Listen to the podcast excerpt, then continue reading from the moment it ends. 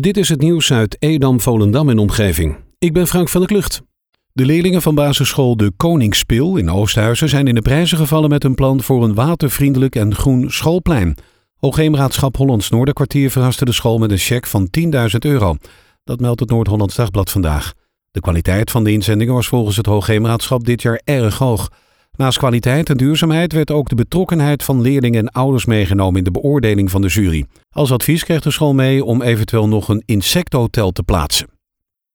Een onderzoek in Purmerend en Amsterdam naar het witwassen van cocaïnegelden heeft meer dan 4,8 miljoen euro aan contanten opgeleverd, plus luxe goederen als merkkleding, merkschoenen, vijf dure auto's en een Rolex horloge.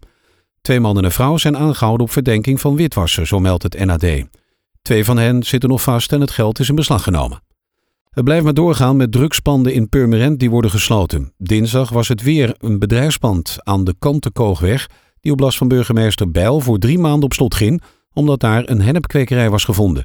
Stickers met drugspand gesloten en niet betreden zijn op de deur van het pand geplakt en ze blijven daar voor drie maanden zitten. In die periode mag niemand het pand in en dit jaar heeft burgemeester Bijl al ruim tien keer dit besluit moeten nemen. In Oostzaan werd gisteren de kerkbuurt afgesloten vanaf het gemeentehuis tot aan de Twiskeweg. Er was de hoogte van nummer 14 een lek ontstaan in de waterleiding. Drinkwaterbedrijf PWN kwam ter plaatse om het lek te dichten. Door de enorme druk op de waterleiding stond de hele straat onder water. En door die druk op de leiding was het volgens de gemeente Oostzaan lastig om het lek te repareren. De daling van het aantal coronabesmettingen in de regio Zaanstreek-Waterland lijkt door te zetten. Tussen dinsdag en woensdagmiddag werden 112 nieuwe gevallen geregistreerd volgens het Noord-Hollands Dagblad. 24 uur eerder werden nog 135 nieuwe besmettingen gemeld. Met 112 nieuwe positieve testen bereikte acht gemeenten in de regio wel een totaal van 8080 besmettingen sinds de pandemie los was gebarsten. Op de rotonde bij de Salvador Alendelaan in Purmerend zijn gisteren twee auto's op elkaar gebotst. Een blauwe auto moest door een brandweer worden weggehaald, zodat een medepassagier uit de auto kon worden gehaald. De gewonde bestuurder is naar het ziekenhuis gebracht. De andere inzittenden zijn nagekeken in een ambulance.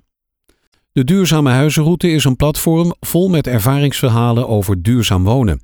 Huiseigenaren laten zien hoe zij een woning duurzamer maken en gaan met je in gesprek.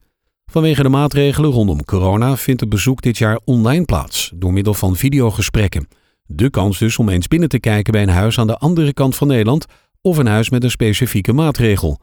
In de loop van de weken wordt de lijst met bezoekingsmogelijkheden steeds verder aangevuld. Na inschrijving ontvang je een duidelijke instructie over hoe het videogesprek in zijn werk gaat. Aan de Hoogkamplaan op Marken staan 15 kleine woningen die in het verleden behoorden bij het verzorgingstehuis voor Anker. In 2013 is eigenaar Woonzorg Nederland deze woning op aangeven van de gemeente Waterland gaan verhuren aan Marker Jongeren voor een maximale verhuurperiode van 7 jaar. In oktober 2020 liep deze periode af waardoor de situatie dreigde te ontstaan dat de jongeren die er wonen op straat zouden komen te staan. Portefeuillehouder Jelle Kaars heeft dit weten te voorkomen door in onderhandeling te gaan met Woonzorg Nederland. De uitkomst hiervan is dat de gemeente Waterland nu huurder van het complex is geworden en door deze stap kan de verhuur worden voortgezet. De persconferentie van premier Mark Rutte en minister Hugo de Jonge leert ons dat de winterstop al is aangebroken voor het amateurvoetbal. Tot half december blijft Nederland in een gedeeltelijke lockdown vanwege het hoge aantal coronabesmettingen. En dat betekent dus dat sporten in groepsverband met meer dan vier personen niet is toegestaan. Door de bekerwedstrijden van begin december gaan nu definitief ook een streep. Het is wachten op de beslissing van de KVB nadat eerder de loting voor de tweede ronde werd uitgesteld.